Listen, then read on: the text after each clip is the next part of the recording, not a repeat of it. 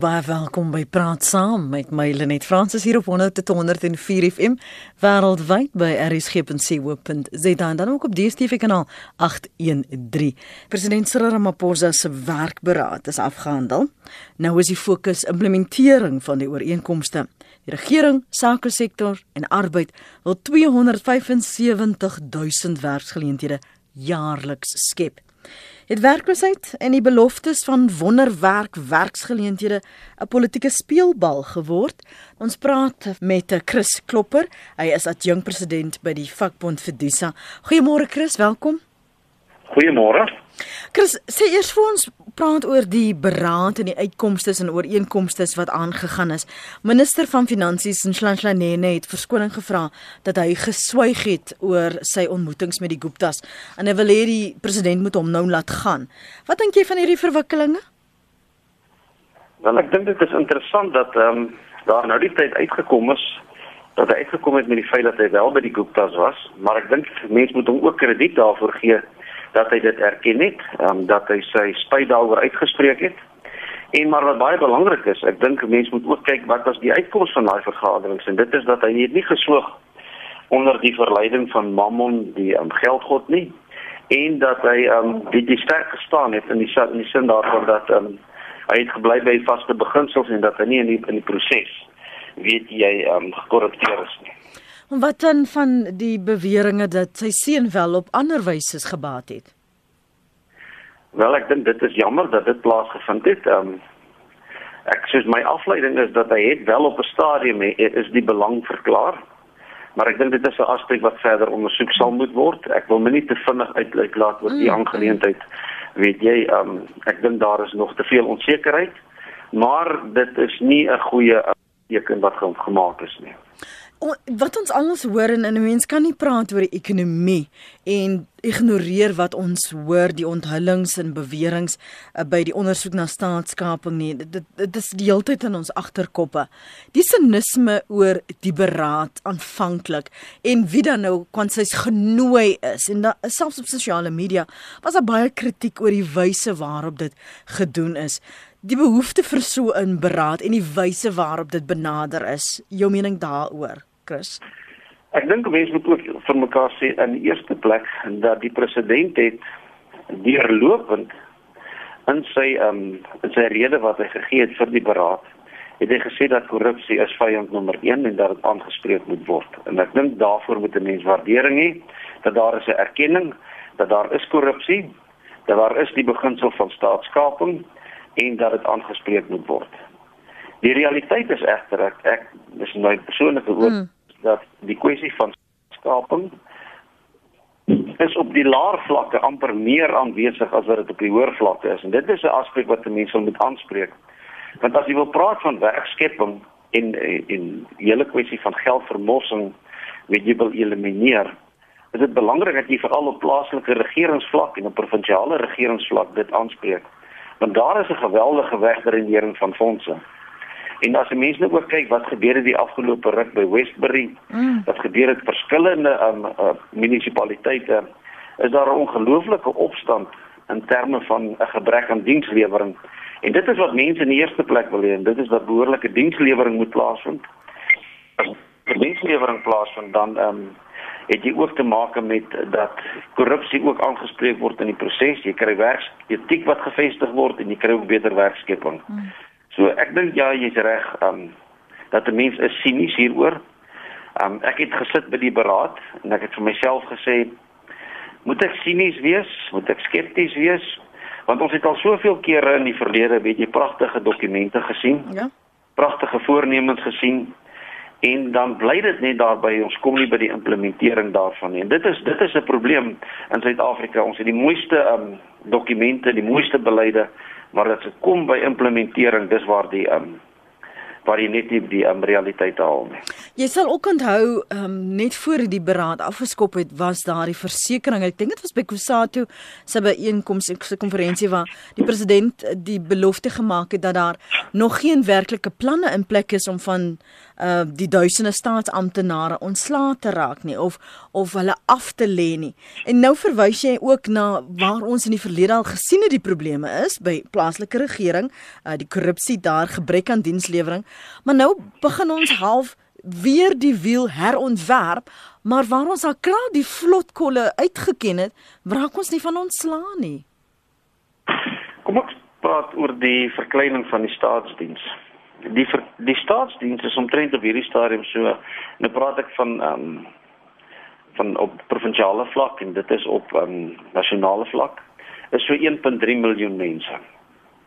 Ehm um, dit is Dis omtrent 46% van die nasionale begroting wat dit gebruik in terme van salarisse.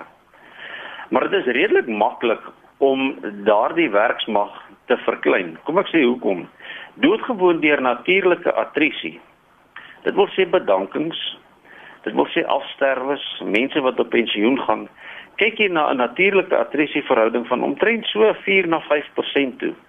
En as jy doodgewoon sê ek plaas 'n moratorium op die vulling van poste, is dit dan moontlik weet jy om die staatsdiens te kan verklein met sien nou maar 10% oor 'n periode van van 2 jaar wat wat wesentlik is en dit dit sal is al 'n beduidende besparing op um, op fondse wees. Maar die ander aspek wat mense mekaar moet ook sê is daar sekere van die van die sektore in die staatsdiens wat 'n verkleining baie baie moeilik sal kan regverdig. En ek praat spesifiek van die onderwys. Ek praat van die gesondheidsdienste ek praat van van van van die polisie. Mm. Um dis baie moeilik om daar weet jy getalle te verklein. Kom ek gee 'n voorbeeld byvoorbeeld in die onderwys. In die onderwys is die um, nasionale besteding in so so 3, 4 jaar terug was 17900 rand per leerder per jaar en dit het nou afgeneem na 15500 rand per leerder per jaar. En ek praat van 'n nominale terme, nie reële terme nie. So die onderwys self het ook al klaar deur 'n geweldige inkrimping gegaan en dit het te maak dan met geweldige groot uh, groter klasse. En ons weet reeds dat um, as ons ons beweeg in 'n vaardigheidsekonomie in waar onderwys oor 'n langer termyn 'n geweldige bydrae sal moet lewer om werkloosheid aan te spreek. Kom ek gee vir jou 'n voorbeeld. Hulle sê dat 40% van die kinders wat tans op laerskool is, ehm um, gaan nog gaan eendag beroepe beoefen wat nou nog nie eens bestaan nie. Hmm. So jy dis baie moeilik om te sê net klakkeloos te sê kom ons verklein die staatsdiens. Ehm um, dis nie so maklik nie. Hein Gerwel het intussen by ons aangesluit. Hy is by die departement landbou ekonomie by die Universiteit van Stellenbosch. Môre Hein. Môre net, maar môre almal. Jy het Hein is is ons besig om Ooh, ek laat leer ek maar op 'n maandagooggend praat van die potmis dit. Ehm um, is ons besig om ons prioriteite ehm um, verkeerd te kry. Ehm um, net dis 'n interessante maar moeilike vraag om te beantwoord so op 'n maandagooggend. Ek dink Suid-Afrika as 'n uh, maatskappy is ons so brand South Africa. Ehm um, vir my dink ek ons moet meer kyk na hoe al die politieke blokke en partye en menings saamgetrek kan word. Dit is weer kan beweeg na iets soos die Government of National Unity wat ons gehad het in die vroeë 90s. Ehm um, want vir my en ek dink dit is op geen manier is dit geen van politieke dinge. En ek dink net as ons politici nie daar is mekaar uit te lig en om te vinger te wys na wie wat verkeerd doen. Dit is om uh, probeer om saam te smee en te dink oor hoe ons in Suid-Afrika iets beter kan skep. En ek dink as ons um, dit begin te sien tussen ons politici sal dit ook 'n um, bemoediging wees vir ons as die burgers van die land om te dink dat die wat ons regeer eintlik ons eie bes wil um, probeer um, nastreef. Jy weet, liewer as om net mekaar uit te maak en om te sien wie is uh, uit te wys wie is die skelmste of wie is die slegste of jy weet so vir my persoonlik dink ek dis waar ons moet begin. Ons moet ons politici uh, aanspreeklik hou vir ons uh, weet dat hulle die skip op die regte rigting kry en dat hulle saamwerk om die skip dan te sien in die rigting wat ons as burgers 'n mandaat voorgee Maar as ons praat van nasionale eenheid en jy jy luister na die beweringe en wie almal geïmplementeer word, vra jy noodwendig wie staan met skoon hande? Wie sluit jy in? Moet jy nie eers van die kaf ontslaa raak voordat jy die koring begine oes nie. En hoe weet jy waar is die groen landerye? Ja, dit is nou wat dit die moeilike ding maak. Dit is selfs nou met die sonnekommissie met die tipe dinge wat nou ehm um, uitgelig word en wat mense nou hoor van sameswerings en uh, familielede wat ingetrek word met ehm uh, besigheids dinge wat die staats um, uit die staatskas uit Net so dit is dit is moeilik. Maar ek dink as ons uh, ten minste dink dat dit is wat ons wil doen, dat ons wil saamwerk, dan kan ons begin met daardie soos jy sê om die kaf en koring af te skei. Kom ons gaan onmiddellik na die lyne dat ons kan hoor wat julle daar op die hart het en dan vir my gaste geleentheid gee om 'n bietjie verder te gesels. Pier ons begin sommer by jou môre. Môre net ek wil net sê, sir, uh, sir Ramaphosa kan net een manier sy doelwitte bereik. Eh, dit is deur die minimumloonstelsel af te skaf. Dan sal hy meer as sy doelwitte bereik. En dan die ander sy van die van die van die staatskaping wil ek nou weer my woorde herhaal. Dit is as iemand geïmpliseer word vir staatskaping of vir korrupsie, moet daar dadelik hofbevel gekry word, 'n beslag gelê word op al sy bates, binneland en buiteland. Dit sal daardie die hele storie stop van korrupsie en staatskaping. Goed. Dankie Pier. En Connie is op lyn 2. Môre. En net môre, ook die gaste. Dan dink ek werksberaad oor werkgeleenthede vir die land se goeie stap. As ons kyk politieke leiers uh dink ek dit nou nodig om ontwikkelingsprogramme te begin om vrede hierin te vestig. Mm. Uh dit moet nie stop vir nie. Nasionale ontwikkelingsprogram nie. Ons kyk na daardie ontwikkelingsplan. Die teiken te werkloosheid ongeveer 14% in die jaar 2020. Nou is oor minder as 2 jaar, kom ons sê maar 2 jaar. Dink die syfer gaan moeilik haalbaar wees.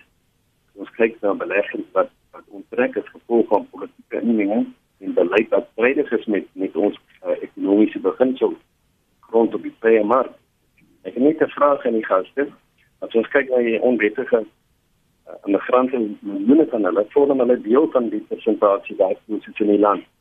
Die laaste opmerking is ek dink om aan te sê dat hulle ook 'n probleem in ons land uh gaan rondom uh ook uh, die die, die uh, bevolkingsaanwas. 'n Hoë bevolkingsgroei moet dit ook ons uh, land se ekonomie beïnvloed. Baie dankie mooi dag. Johan, jy's op lyn 4. Môre? Môre, môre, goeiemôre aan almal daar. Mm Hoor hierso, ek ek dink nou maar net daaraan daai 275 000. Ja. Dit klink dan bietjie. Hulle moet bietjie droom nie in swart en wit nie. Nommer 1 is daar's Chinese kom in. Hulle kry werksprojekte maar die helfte van daai arbeidsmag word hulle mense gebruik nie ons mense nie. Mm -hmm. en dan hierdie minimum loon ook. En dan nog hoeveel Zimbabwe's hoeveel Mosambikers hoeveel Tanzaniërs al daai mense wat hier kom werk en essensiële werk kan doen. Hoekom kan ons nie vir die arbeidsmag sê luister, julle het 3 jaar nodig om lokale mense op te lei. En oor 3 jaar dan raak jy ontslaaf van daai ou wat in Zimbabwe werk. Jammer vir hulle, ek staan nie ek staan nie onverskillig teenoor hulle nie, maar hulle het ook nou hulle laat hulle hulle brood en botter in hulle eie land kan gaan verdien. Ek kan nie Amerika toe gaan en sê nou werk ek hier nie ek het 'n werkspermit nodig. Ek kan nêrens in die wêreld gaan werk sonder 'n werkspermit wat hulle vir my gaan sê, hoorie, kom ons weet jou land het probleme, kom ons gee jou sommer 'n permit in en en daai tipe van dinge nie. En dan ons soek nie praters nie. Daar moet nou doeners wees. Doen doen al hierdie korrupte mense. Hulle loop nog almal die hele boks en daai van hulle loop nou nog op vrye voet terwyl die land is 'n uh, uh, suffer Mhm. Mm dankie Lenet, dis al wat ek wil sê. Dankie. Dankie Johan vir jou ook 'n lekker dag. 23 minute oor. Ag jy is welkom om te reageer op wat uh, Connie, Pierre en Johan daar sê.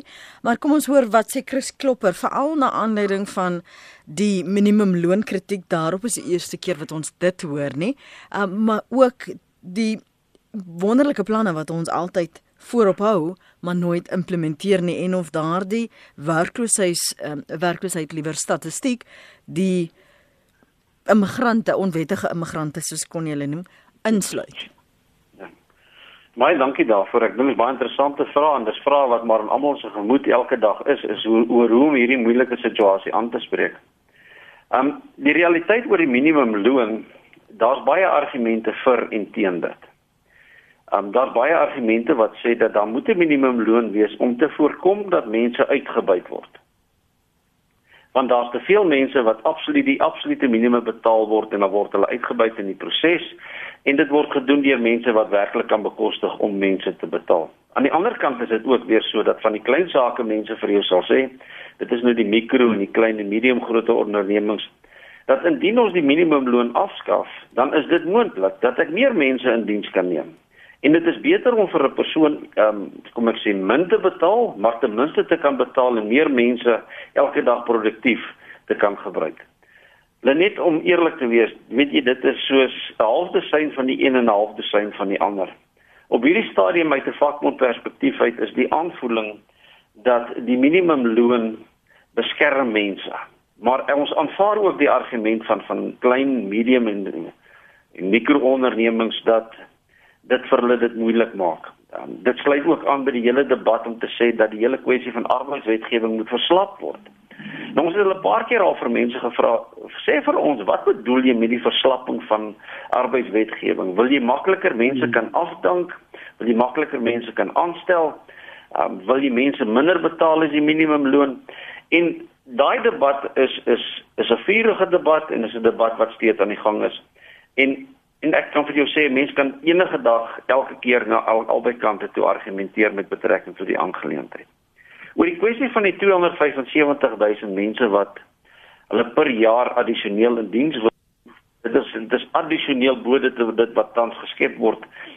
Die president het gepraat van 300 000 wat tans geskep word in die in die ekonomie. Um, ons inligting is dis nader aan 160 170 000. Daar was 20 taakspanne wat gewerk het in verskillende sektore soos toerisme, soos in die vervaardigingssektor, vervoersektor, in die IT-sektor, in die landbou.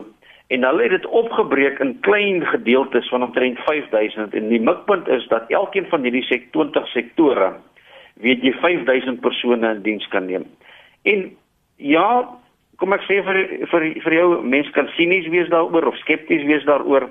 Maar ons moet werklik ernstig begin om hierdie probleem aan te spreek anders te gaan die sosio-politiese probleme ons inhaal want die werkloosheid onder die um, onder die jong mense is is werklik hoog en ons is besig om ons eie Arabiese lente hier te skep indien ons nie baie versigtig te werk gaan met hierdie aangeleentheid nie.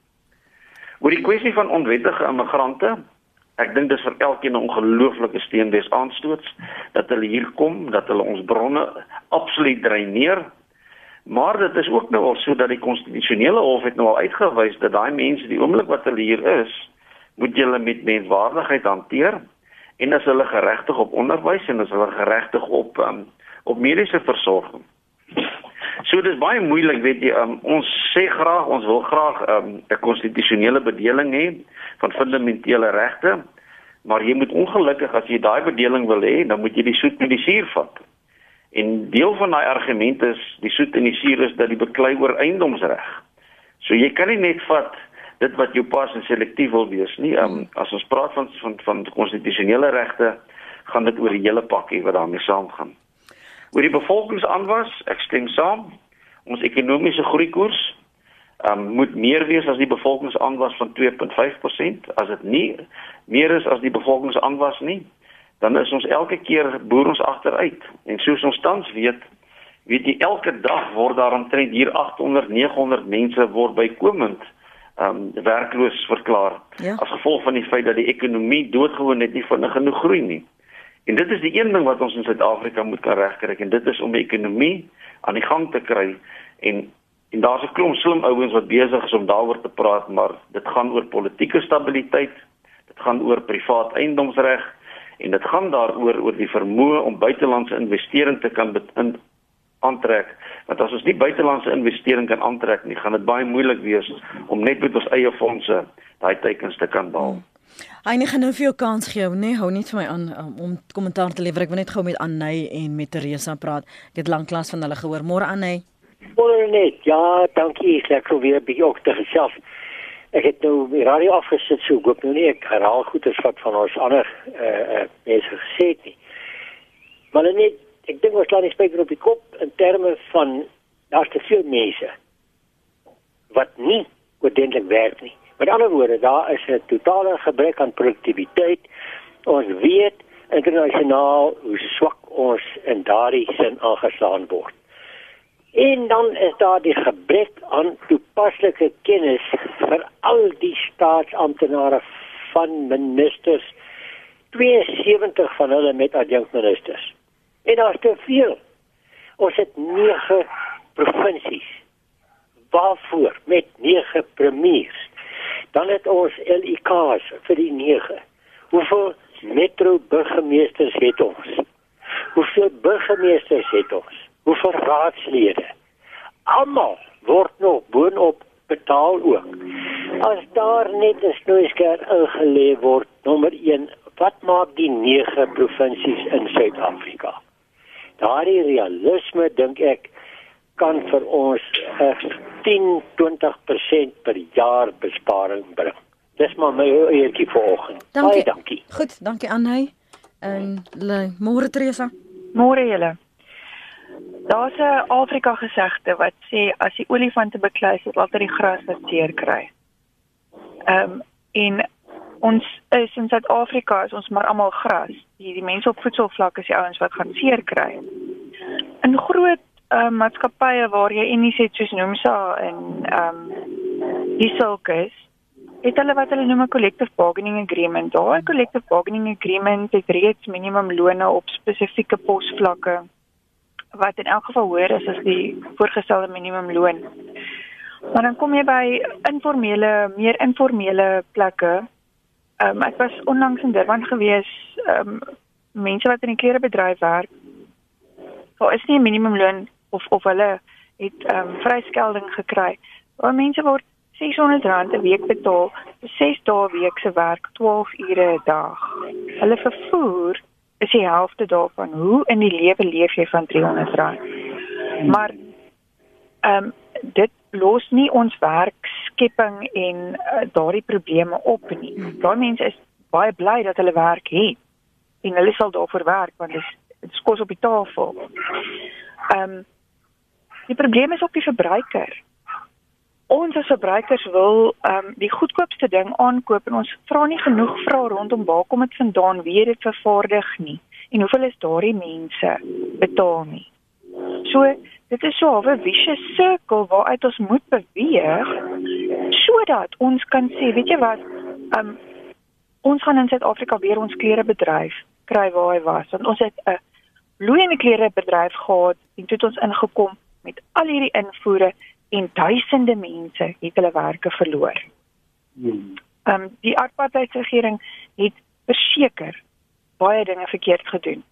Maar toe Suid-Afrika onder boikotte gebuk gegaan het, wat het ons gedoen? Ons het ons eie motorbedryf gaan vestig. Ons het ons eie bande begin maak. Dis tyd dat ons terugkeer na daardie tipe goed in ons land. Goed Teresa, dankie vir jou insette, waardeer dit. Ein Gerwel is die by die departement landbou-ekonomie by die Universiteit van Stellenbosch en ons praat ook met Chris Klopper, hy's adjunkt president by die vakbond Fidusa. Hein, jou gedagtes? Ehm, dankie net. Ek het jou baie in te vat en ek moet sê die standpunte wat ingeneem is deur die inbellers, net is is alles baie raakbare kwessies wat ons as Suid-Afrikaners het en dink ek moet um, eers aanspreek vir die voordeel wat ek dink ons het 'n maksimum loon nodig. Um, want baie mense het ook nog 'n mooi produktiwiteit en jy word betaal vir ons produktief is. Dink mense reg dat eh uh, die ou is steeds 100 keer meer produktief as die ouens wat eintlik werk in die in die maatskappy ek dink nie Maar ek dink dis iets wat ons ook ernstig oor moet kyk. En as ons nou wil dink aan radikaal anders dinge doen, men die term radikaal beteken nie wat mense so goed en dit vir ander mense wat nie goed is nie. Maar ons moet ons ons moet 'n paradigma skuif in ons denke probeer aan aan te. Dit dat ons nou nie net dieselfde sous probeer opgooi en dan ons gaan anders dit gaan anders proe. So ehm um, en en terme van so ook as maksimum loon, die dat om te fokus op die minimum loon ek. Ehm um, die 275000 per per jaar wat kyk word, dink ek is bietjie onrealisties as ons net planne beraam om samewerking tussen die ja, private sektor en die publieke sektor te kry wat konstruktief dink oor hoe ons die groot overblyfde ehm um, uh, civil service 'n bietjie aanspreek. Ehm um, daar is definitief die staat is een van die grootste uh, indiensnemers in die land maar laat ons dit doen in 'n manier wat produktiwiteit bevorder en nie net uh uh werk skep vir politiek politiek polities gekonnekteerd is.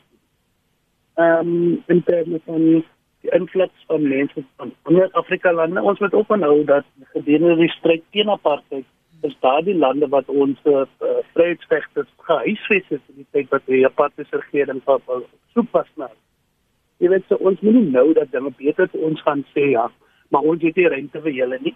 Ek dink ons moet kyk uh, meer ehm um, as liewes as 'n nasionalistiese plan of 'n Suid-Afrika nasionale plan moet ons meer humanisties probeer dink. En maar hierdie mense sou mos nie hier kom as hulle werk het of hulle situasies was redelik leefbaar in die plekke waar daar van waarvandaan hulle kom nie.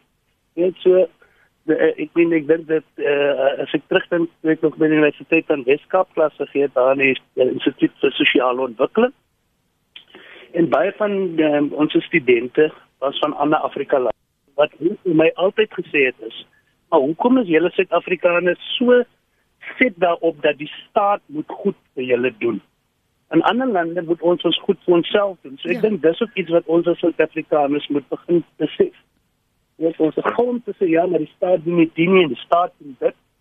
Maar wat doen ons vir die staat? Die staat is meer uh, is, is eintlik maar net 'n verteenwoordiger van ons as die mense. So ons as die civil society moet saamsmee en saam staan en begin te dink dat om om dinge beter te doen is vir die beswil van ons almal as Suid-Afrikaners en as lede van die van die uh, globale gemeenskap. Hmm iets waarop jy 'n kommentaar lewer na aanleiding van hy gesê het? Ja, ek dink dit is baie belangrik daai ding van ons wys te maklik vinger en ons wil te min vir onsself doen. Um, ons moet regtig ons eie selfwerksaamheid aan baie baie aandag gee. Ons kan nie altyd wil bak aan staan nie. Ons sal self moet innoverend optree en nie dink dat alle gunste en gawes kom net so van die staat af nie. Um Hy is heeltemal reg. Ons kan nie net heeltyd kyk na die staat om werk te skep nie. Die oomblik wat die staat as 'n werkskepper begin optree, beteken dit dis 'n dreinering van fondse. Dit beteken daar's 'n groter aan, aanspraak op die fiskus en dit beteken net hoër belastings vir almal en dit is 'n bose sirkel waarin jy wil beweeg waar jy nie wil wees nie.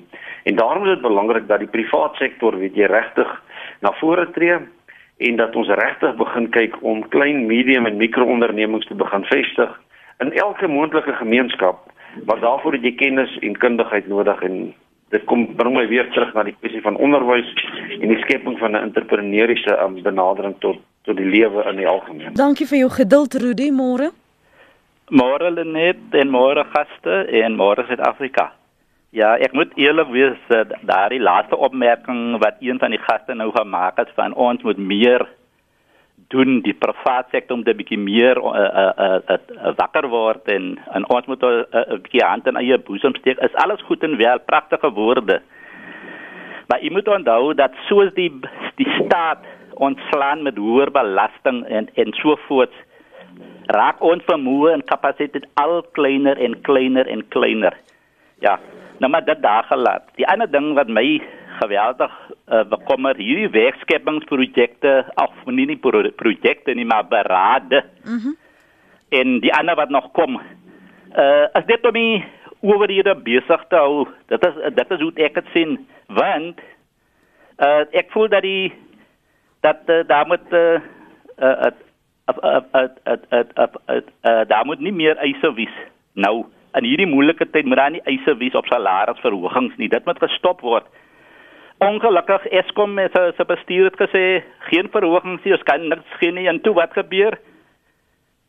Toe toe kom hy in is en hulle val van meneer Praven Gordon en en en en, en, en om 'n lang storie kort te maak 10000 rand bonusse plus nog hoër salarisse as wat hulle reeds ontvang en die makro personeel word nie verminder nie en dit geld ook aan ander sektore. En dan natuurlik die SOEs die lugdiens en al die plekke is alles verlies uh, geld wat wat daar ingaan in 'n in 'n nuttelose put. En nou ja, hoe kan ons uh, uh, ons morale laag, ons as klein besighede, ons morale laag om om die waarheid te sê nou by hierdie labor uh, uh, uh, summit. Ons was hier daar vir ten woordig nie net groot koppe, net groot organisasies, hmm. maar dis maar net om die status quo te te, te beskerm. Ek glo dat vir vir vir, vir die president en 'n mens moet positief ook uh, uh, wees en mense benadering vir die president om hierdie land reg te ruk. Moet hy eers gaan vasstel na sy sy onderdane net onder hom Ibrahim Patel Rob Davies vir al daai twee persone. Hulle bepaal die die die gang van ekonomie. Want ek meen nou in hulle tyd het die ekonomie nie gegroei nie maar gesak na 1% toe. En en die kans dat ons uh, regtig veel hoër gaan kom as 1.5 hierdie 'n uh, uh, uh, uh, jaar as as as byskraal. So ek glo regtig ek glo dat as die president nie 'n bietjie breër 'n beraadslaag nie nie net manne in sy eie party nie, nie net vir Kusato na dit sleep nie.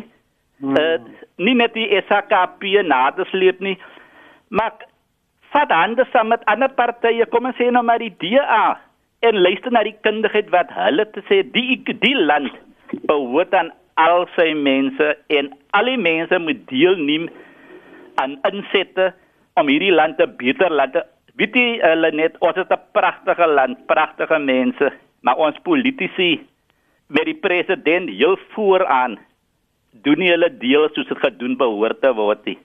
Maar gaan hierdie dag Dankie Rudy. Goed. Goed gaan daar by jou.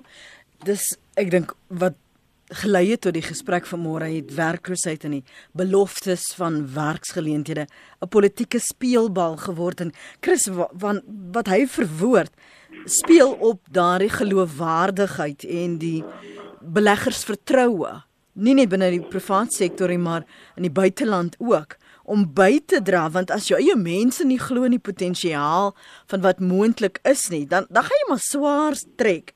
En hoe waarheen stuur ons af as net uitgesoektes langs die tafel kan kom sit om te praat oor hmm. hoe die armes dan nou kan suis beter kan doen of moet doen of wat ons vir hulle kan doen. Weer daardie almoese benadering.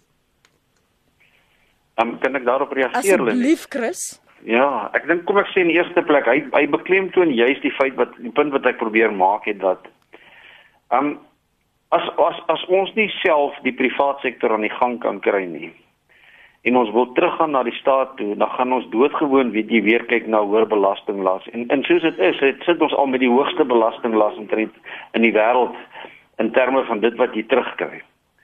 Ek wil terugkom na die punt wat iemand gemaak het oor die kennis van die staatsamptenare. As ons nie wegkom van die beginsel van die herontplooiing van kaders nie. En as ons nie kom by die aanstelling op elke vlak in die regering, van nasionale vlak tot onder op die munisipaliteitsvlak, die beste moontlike persoon aan te stel nie. En en ek, ek probeer nie daarso enigstens iets meer sê as dit nie. Dat as ons nie kundigheid die maatstaf maak nie, gaan ons nie vorentoe gaan nie. Hy het die punt ook gemaak oor die staatsbeheerde of die staatsondernemings. Um, ja, die staatsinstellings. Soos e, die SAL, soos Denel. Weet jy daar is tot 700 van hulle wat wat wat wat daar is. Ja. Ons moet van daardie ego-projekte ontslaa raak. Daar's vir my geen voordeel om die SAL te hou net omdat ons die ego wil hê om te sê ons het 'n staatsbeheerde um, weet jy lugredery nie. Al wat hy doen is hy vat elke jaar 2, 3, 4 miljard rand en ons gaan net nie vorentoe nie. Ek verstaan nie hoekom ons daarmee wil aangaan nie. Dieselfde geld met met Transnet. En so kan 'n mens aangaan. Hy maak melding van 'n groeikoers van 1.2%. Dit is 0.4% op die oomblik. As ons ministers en hy praat van Ibrahim Patel, as Ibrahim Patel nie kan verstaan ons sit in 'n tegniese resessie nie, dan moet hy nie in sy huidige portefeulje wees nie. Want dit is doodgewoon deel van ekonomie 101 om te verstaan hoe lyk hoe lyk 'n resessie al doen jy op 'n jaar tot jaar basis of 'n maand tot maand basis of kwartaal tot kwartaal basis. En en dit gaan daaroor dat ons moet regtig begin anders te dink. Um Einstein het gesê om elke jaar en elke keer dieselfde goeie ding mm -hmm. te doen en ander uitkomste te verwag, dan tree jy soos 'n dwaas op. Ons sal heeltemal 'n nuwe paradigma moet moet benader en Rudy is heeltemal korrek. Ons sal nie te vars moet dink oor 'n klomp goed. Maar om die hele tyd negatief en sinies te wil wees hieroor gaan ons nie help nie. Ons moet soos hy gesê het hande vat en ons moet regtig kyk om weer eens te begin beweeg om as 'n kollektief en ons kollektiewe wysheid aan te pas en en toe te pas. Maar hein kan jy dit werklik uit die politici se hande neem? Nee, net ek weet nie dit of hulle dit uit hulle hande sal wil laat neem nie, maar ehm um, kyk uh, as ek nou dink aan en dis net maar uit my eie lewensonderstanding. Ek het terugdink aan die dae van die UDF die Mass Democratic Movement. Dit was civil society organisasies wat saamgesmee het om dinge te doen die consumer boycott wat die ingebring is in die 80 die sport boycott en daai dinge. So daar was mense wat gemobiliseer het op um, skool uh, skool vlak jy weet en as ons weet daai meer lewing van mense en betrokkenheid in ons uh, in besluite wat daar geneem word. So nie net die tipe um, service delivery protest wat ons deesdae sien nie maar meer konstruktiewe kyk en ek en en, en ek kraak ook nie baie protes aksie af nie. Want mense het gepresteer in die in die, afgeblewe uh, gebiede van die van die land. Net dinge gebeur nie. Jy dienste word nie verlewer nie.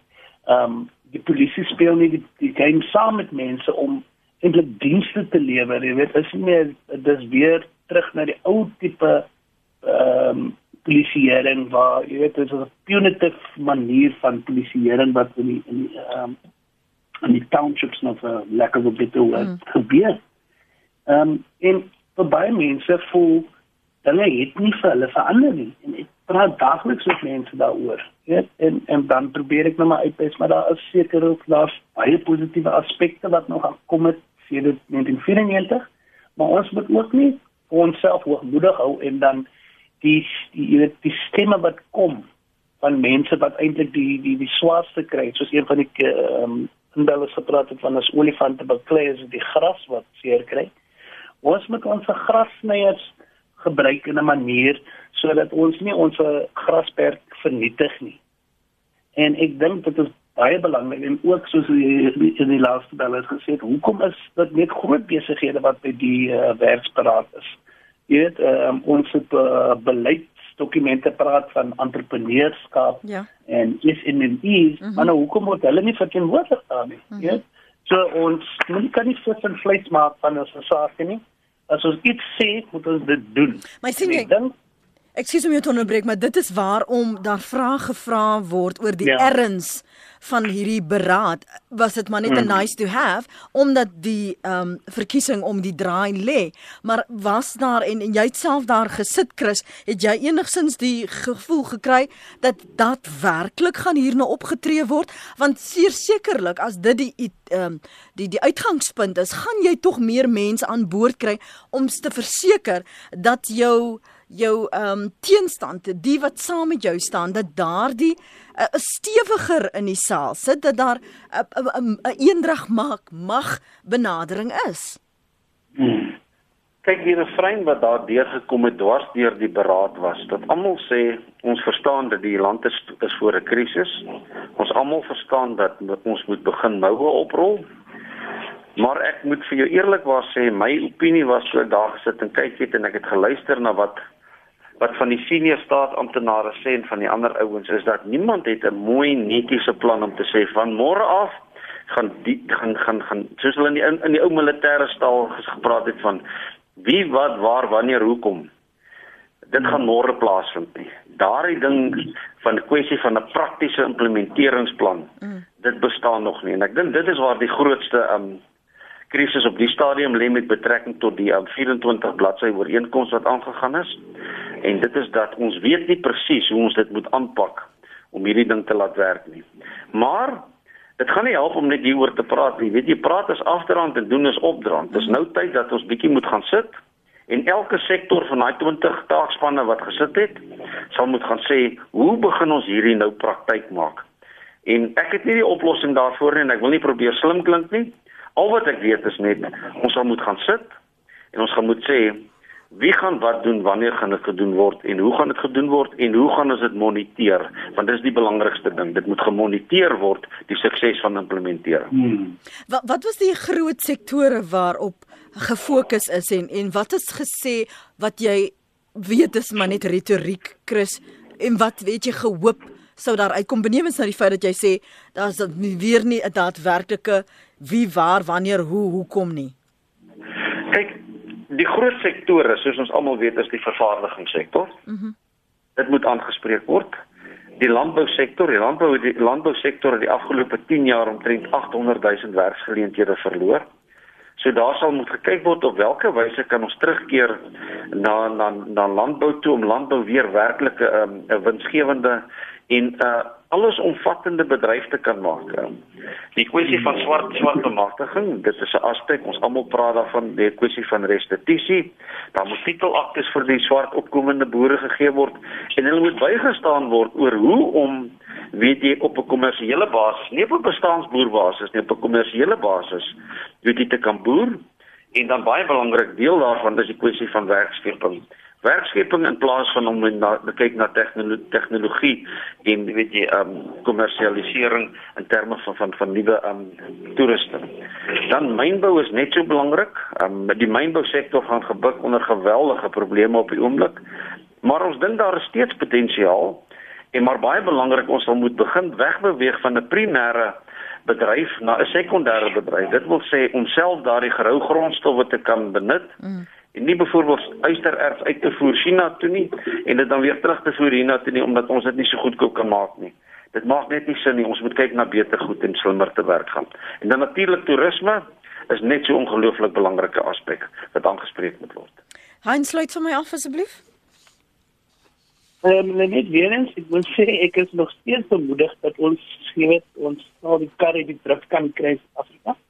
Maar ek voel daar moet samewerking wees, nie net tussen private sektor soos ons aan aan hom dink as besig as die besigheidssektor en die publieke of staatssektor maar ook die civil society sodat ons daai drie bymekaar kan kry en ons met mekaar praat. So ek dink dit is belangrik maar dit moet ek nie net by praat stop nie dan moet ons begin doen en ek stem 100% saam met Chris op daai punt. Baie dankie Hein Gerwel by die Departement Landbou-ekonomie by die Universiteit van Stellenbosch en baie dankie Chris vir jou beskikbaarheid vanmôre. Chris Klomper is jong president by die vakbond vir Disa.